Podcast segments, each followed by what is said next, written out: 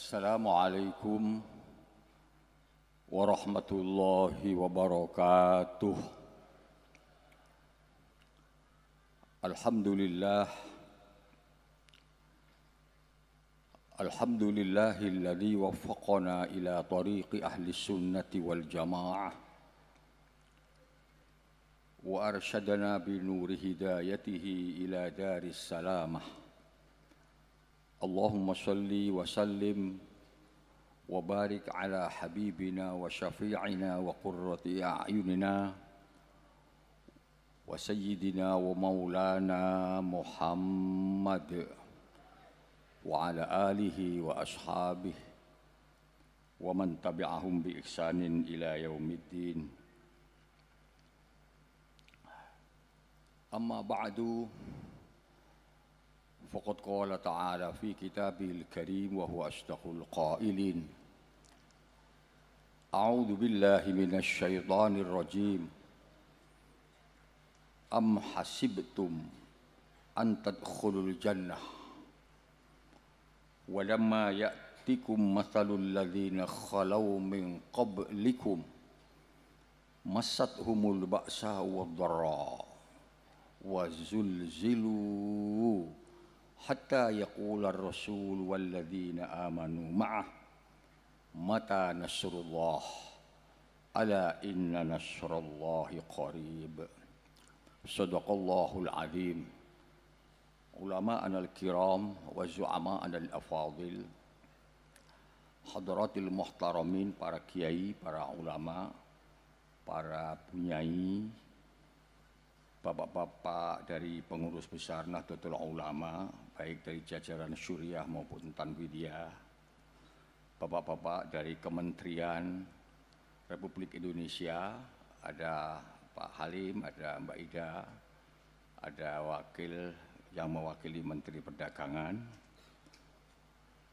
juga para eh, bupati dan wali kota, Pak Ketua DPR Provinsi, Kepala Bank Jawa Timur, Ibu Khofifah, Bu Gubernur, Al Mukarram Kiai Zuhri dan keluarga besar Pondok Pesantren Nurul Jadid.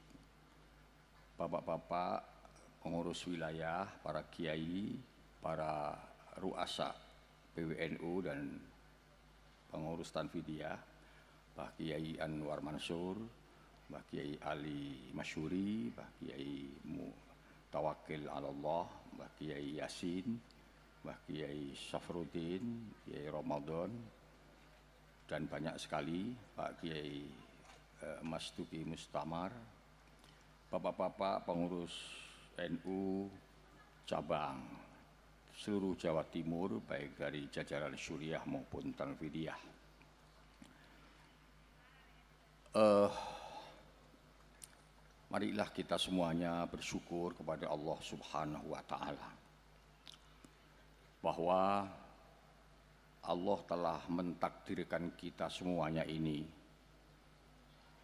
menjadi bagian dari orang-orang yang diberi kesempatan untuk mengkhidmahkan sebagian apa yang oleh Allah diberikan kepada kita. Kita khidmahkan untuk memikirkan dan memperjuangkan serta melestarikan ajaran Nabi kita Muhammad Sallallahu Alaihi Wasallam lewat Nahdlatul Ulama ini. Syukur itu kemudian kita tindak lanjuti dengan meningkatkan kinerja kita, meningkatkan harkah kita, meningkatkan ihtimam dan mubalah kita, kepedulian kita terhadap berbagai hal yang bisa memberi manfaat kepada orang banyak, terutama warga Nahdlatul Ulama. Yang kedua, Bapak Ibu dan saudara-saudara sekalian, marilah dalam kita berkhidmah untuk NU ini marilah kita berkhidmat berkhidmah untuk memperjuangkan tinggalannya Nabi Muhammad Shallallahu Alaihi Wasallam dan as-salafus solih ini kita dasari dengan ikhlas. Tidak ada yang kita cari, yang kita inginkan, yang kita harapkan kecuali adalah ridho Allah Subhanahu wa taala. Akhlis wala alla turita bi ta'atin illa taqarruba lil ilahi bil ula. Membersihkan niat menjadi pengurus NU dan seluruh banom lembaga dan lajnah kita letakkan dalam dada kita masing-masing untuk tidak ada siapa-siapa dan apa-apa kecuali adalah ridho Allah Subhanahu wa taala. Ketika kita sudah mampu meletakkan itu semua dalam diri kita dan itu menjadi dasar dari pikiran, keputusan dan langkah-langkah kita, maka kita akan berada dalam posisi di mana kita amat dekat dengan Allah Subhanahu wa taala. Dan ketika itu terjadi, maka perjuangan kita diridhoi oleh Allah. Pikiran kita diridhoi oleh Allah. Sikap kita dan keputusan-keputusan kita diridhoi oleh Allah Subhanahu wa taala. Ketika kata ridho itu sudah ada di tangan kita, ketika kata dicintai Allah itu sudah ada di tangan kita, maka sebenarnya tidak ada hal-hal yang perlu kita ragukan dan perlu kita takutkan dalam hidup ini. Para ulama pendahulu kita telah memberi pelajaran penting dan berharga buat kita. NU NU ini adalah sebuah bacaan yang sangat jelas. Betapa gelombang tantangan, betapa gelombang yang ingin menghabisi dan menghancurkan NU itu terjadi jauh sebelum Indonesia ini merdeka. Dan ketika NU sudah lahir, di zaman yang kemudian disebut dengan Orde Lama. Posisi NU dalam posisi seperti itu. Zaman Orde Baru dan lain sebagainya. Tetapi sejarah membuktikan bahwa semua yang ingin menyakiti NU itu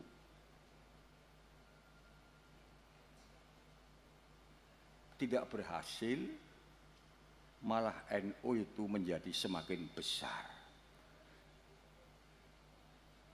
Zaman Belanda, zaman Jepang, zaman Orde Lama, zaman Orde Baru. Upaya-upaya untuk menjadikan NU ini bagian dari sesuatu yang dimarginalkan sungguh sangat tidak berhasil dan bahkan halangan-halangan yang ditimpakan kepada NU ibarat menjadi rabuk yang justru malah membesarkan Nahdlatul Ulama. Ini semua kenapa? Karena jimatnya as-salafus soleh dulu berjuang untuk NU ini dengan hati yang tulus dan ikhlas. Senantiasa mendekatkan diri kepada Allah dalam suka maupun duka tidak pernah melupakan menengadahkan tangan dan jiwa kita kepada zat yang maha kuasa. Oleh karena itu yang paling penting dalam NU ini adalah bagaimana NU ini diridhoi oleh Allah. NU ini diridhoi oleh Allah. Dan itu ada pada kita semuanya yang menjadi khudama daripada NU ini.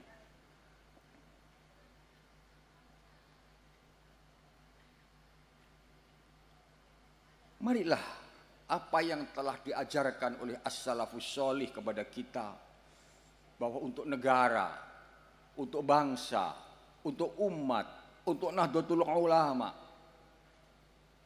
Didasari atas prinsip-prinsip keikhlasan dan ridho Allah. Ini kemudian kita terus-teruskan dan kita wariskan dan kita bina terus-menerus agar tingkat takarrub kita kepada Allah ini makin hari makin kuat.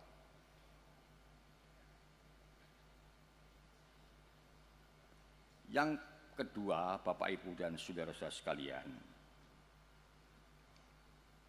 seperti tadi disampaikan oleh Kiai Zuhri, NU ini lahir dari pesantren. Di Jawa Timur ini dulu kita konferwil itu di Pondok Lirboyo. Konferwilnya di pesantren. Hari ini kita musker juga di pesantren. Dari pesantren ke pesantren. Minal Masjidil Haram ilal Masjidil Aqsa minal masjid ilal masjid. Maknanya apa? Maknanya bahwa NU ini lahir dari pesantren dan harus terus meningkatkan komitmennya serta khidmah NU memberi manfaat yang besar sebesar-besarnya kepada pondok-pondok pesantren. Itu baru NU namanya. Caranya bagaimana Bapak-bapak dan Ibu-ibu? Kita orang NU ini kan ingin agar NU ini tetap jaya, terus tetap lestari, tetap tetap hidup min yaumina hadza ila yaumil qiyamah. Tapi itu tidak mungkin, Pak. NU ini akan habis apabila ulamanya habis. Nah, ulama itu bisa habis kalau orang NU sendiri tidak mau memberangkatkan anaknya ke pesantren. Karena yang bisa membuat ulama itu hanya pesantren. Yang bisa bikin ulama itu hanya pesantren. Sudah mau model opoai, mau es berapapun. Yang bisa bikin ulama itu hanya pesantren. Jadi ketika orang NU sendiri sudah acuh tak acuh kepada pesantren, itu artinya ridho bahwa ulama itu akan habis. Dan kalau ulama itu habis, NU itu nahdlatul opo. Ya, maksud nahdlatul habis. Jadi artinya, artinya Anaknya orang NU mau sekolah model apa saja tidak masalah. Mau belajar ilmu apa saja tidak masalah. Karena memang itu menjadi keharusan agar kita bisa survive. Agar kita bisa maju, menyerap kemajuan-kemajuan zaman. Tetapi semaju apa pun dan setinggi apa pun mereka terbang, tetap harus ada dalam basis pesantren. Itu NU orang NU. Jangan sampai NU ini NU ora ora sibroh hadiah itu empane piye. Garam daripada NU itu adalah pondok pesantren. Sebagai basicnya bahwa kemudian take off mau jadi ahli di bidang teknologi, di bidang ekonomi, di bidang sosial, di bidang politik, bahkan sampai naik ruang angkasa. Tetapi basicnya adalah tetap basic pesantren. Dan orang NO tidak boleh kehilangan percaya diri terhadap modal besarnya sendiri yaitu pondok pesantren. Maka pengurus NU di mana pun tingkatannya di Jawa Timur ini harus punya program dalam rangka membuat program strategis harus punya sebuah program yang mengarah kepada bagaimana pondok pesantren di Jawa Timur ini terus bisa hidup, bisa berkembang, dan melahirkan anak-anak bangsa dan pemimpin-pemimpin ahli sunnah wal jamaah yang berbasis Islam wasatiyah. Seperti itu. Yang ketiga, Bapak-bapak dan saudara-saudara sekalian, tadi Kiai Marzuki sudah mengingatkan kepada kita tentang sebuah komitmen dasar bagaimana beragama dan bagaimana berbangsa. Komitmen kita sudah sangat jelas dan itu harga mati buat kita. Yaitu Islam wasatiyah, Islam ahlus sunnah wal jamaah, dan Negara Kesatuan Republik Indonesia, Pancasila, Undang-Undang Dasar 45 dan Bhinneka Tunggal Ika. Itu pasti.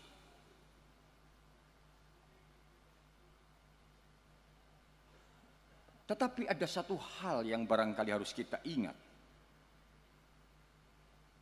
Bahwa tugas kita sebagai pemimpin selain bagaimana menjaga himayatuddin dan menjaga keutuhan NKRI yaitu himayatud daulah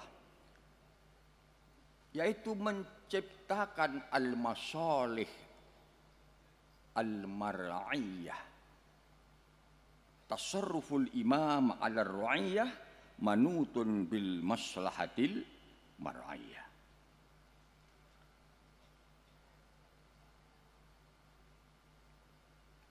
konferensi sudah memberikan keputusan di Lirboyo dulu. Bagaimana program itu dibuat dan diletakkan di atas prinsip-prinsip besar. Hari ini kita akan bermusyawarah.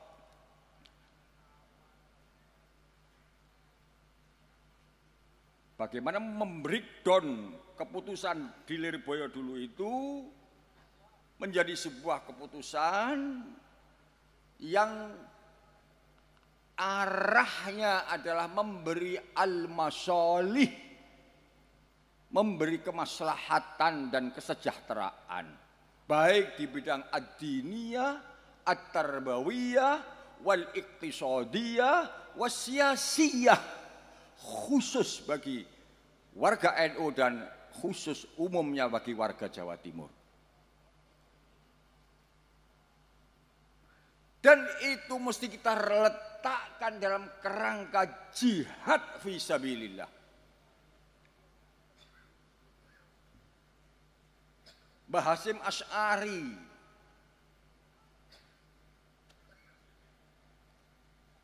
ketika memproklamirkan resolusi jihad dalam rangka mempertahankan kemerdekaan mengajak para kiai-kiai dan orang-orang pesantren yang kemudian disebut dalam resolusi jihad. Jihadnya Mbah Hasim seperti itu.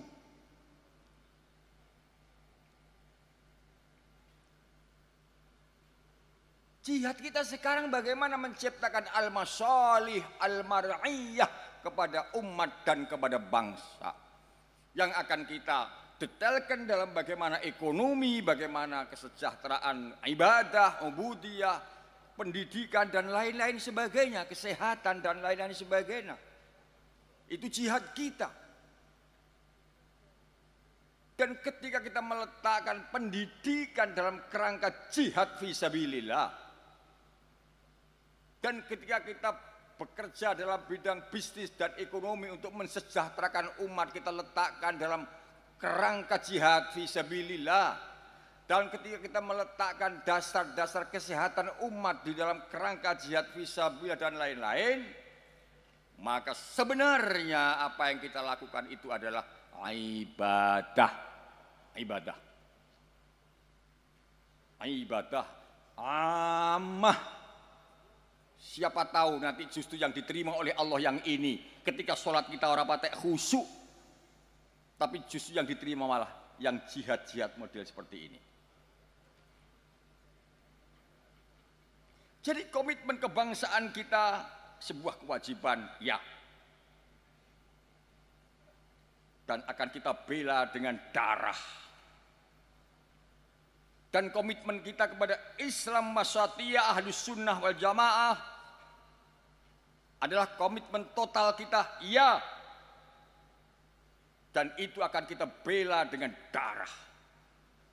Tetapi ada lagi jihad zaman akhir yang mesti kita lakukan dan itu menjadi ibadah buat kita yaitu menciptakan al-masalihul mursalah al-masalih al-mar'iyah dan rapat kerja kita, musyawarah kerja kita itu akan dalam rangka meletakkan itu semuanya.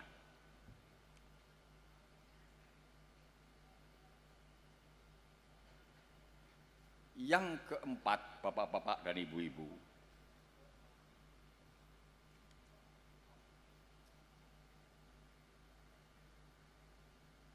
konsolidasi ini selain kita maknai sebagai konsolidasi ideologi, konsolidasi organisasi, konsolidasi kader, konsolidasi program menuju kemaslahatan bersama, ingat, konsolidasi terakhir harus kita maknai sebagai bagaimana warga Nahdlatul Ulama Jawa Timur ini ke depan harus benar-benar fi kalimatin wahidah wa wahid. Yang kadang-kadang di NU ini tidak banyak terjadi. Ukhuwah kita, kebersamaan kita, yang benar-benar diajarkan oleh Al-Quran, oleh Rasulullah, bahkan ditetapkan oleh Muktamar NU di timur kita ini di situ Bondo pada tahun 85 menjadi sebuah catatan-catatan penting waktu kita dulu bermuktamar di dalamnya Kiai As'ad Samsul Arifin di kakeknya Kiai siapa ini Azaim itu jadi catatan-catatan penting sampai sekarang tetapi kita harus muhasabah. Kita harus introspeksi. Apakah yang selama ini kita lakukan dalam berbagai aktivitas sudah persis seperti apa yang diharapkan oleh keputusan situ Bondo dalam menciptakan ukhuwah Islamiyah, ukhuwah watoniyah, ukhuwah insaniyah masih merupakan pertanyaan besar. Oleh karena itu konsolidasi ini selain mesti kita maknai dengan konsolidasi ideologi, konsolidasi program, konsolidasi manajemen organisasi dan lain-lain, tapi juga mesti diteruskan dimaknai dengan konsolidasi sikap, sikap untuk terus bersama. Kita punya kelemahan di sini. Sebab apa pun juga kita kaya apa saja punya, punya bupati, punya wali kota, punya DPR, punya gubernur, punya segala macam. Tapi ketika kita tidak mau diikat oleh sebuah ittihad an-nahdiyah, maka itu tidak akan menjadi kekuatan. Padahal Quran sudah mengatakan khudu ma atainakum biqawwah Ambillah agama ini dengan kekuatan dan kekuatan itu adalah kekuatan ukhuwah dan persatuan terutama di antara kita semuanya. Tanpa itu omong kosong. Boleh jadi kita ini jadi orang kaya-kaya. Tapi kalau urusannya sendiri-sendiri, boleh jadi kita itu jadi pejabat-pejabat. Tapi kalau urusannya sendiri-sendiri, boleh jadi kita ini jadi kiai-kiai. Tapi kalau urusannya sendiri-sendiri tidak ketemu dalam rumah besar yang namanya Nahdlatul Ulama, bagaimana kita akan menjawab perintah Allah yang mengatakan khudu ma'atainakum biquwah. Tidak akan jadi kekuatan.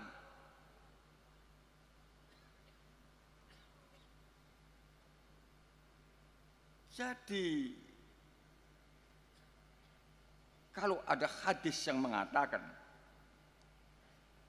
khairun nasi anfa'uhum linnas sebaik-baik manusia adalah yang memberi manfaat banyak kepada orang lain. Itu tentu harus dengan ilmu. Tanpa ilmu tidak mungkin. Tetapi kalau ingin manfaatnya lebih besar, tentu harus kekuatan masing-masing itu dijadikan kekuatan yang utuh. Maka manfaatnya akan lebih besar. Pondok Lirboyo dengan jumlah santri yang besar. Pondok Nurul Jadi dengan kekuatan santri yang besar Pondok Genggong dengan kekuatan pesantren yang besar, Pondok Gus Ali dengan kekuatan yang besar. Pasti memberi manfaat. Tetapi akan lebih besar manfaatnya apabila pesantren-pesantren yang kecil-kecil itu tadi berkumpul dalam satu rumah besar namanya Nahdlatul Ulama. Itulah pesantren besar kita. Dan demikian kita akan memberi manfaat yang besar juga kepada bangsa dan negara, kepada umat. Hati-hati, hati-hati. Dulu NU itu lahir untuk mereaksi bahaya daripada kaum sekuler yang waktu itu sedang ramai di Turki yang diproklamirkan oleh Kamal Atatürk. NU juga lahir untuk mereaksi sebuah ajaran yang ingin memberangus ahlus sunnah wal jamaah yang percaya dengan taklid, yang percaya dengan syafaat, yang percaya dengan tawasul dan lain-lain.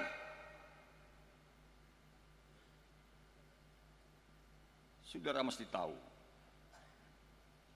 yang dulu direaksi oleh sesepuh-sesepuh kita dulu masih ada di Turki, sekarang kaum sekuler sudah ada di tengah-tengah kita dan menjadi kekuatan besar kaum sekuler itu. Dulu yang namanya anti ahlus sunnah wal jamaah di sebuah negara Hijaz, kemudian nama negara itu dipindah dengan nama bapaknya Saudi Arabia. Dulu adanya di Timur Tengah, sekarang sudah ada di tengah-tengah kita Bahkan Bu Gubernur juga sudah pernah melaporkan kepada kita semuanya bahwa banyak pendidikan-pendidikan yang sudah terpapar dengan intoleran. BUMN banyak yang terpapar dengan intoleran.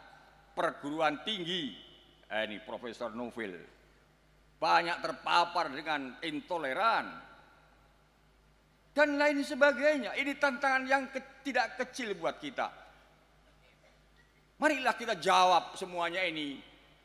Bukan hanya dengan pidato, dengan retorika, tetapi dengan melakukan sinergitas dan kerjasama yang baik antara NU dengan kekuatan yang lain, terutama negara, kekuatan negara, dalam rangka menyelamatkan negara ini dari bahaya besar intoleransi. Dan sudah geremeti anak-anak kita semuanya sudah 20 tahun yang lalu mereka bergerak tanpa sadar sebenarnya sudah ada di tengah-tengah kita. Maka harus ada program yang jelas dari Nahdlatul Ulama. Bagaimana menanggulangi ini? Ke depan harus ada suatu uh, suatu diskus ya kelompok yang peduli dalam rangka menanggulangi intoleransi ini di sini kelompok Islam Wasatiyah, di sisi lain adalah kelompok negara untuk bersatu padu. Bagaimana menanggulangi ini? Tanpa itu, kalau kita ini bekerja sendiri-sendiri, tidak akan ada kekuatan.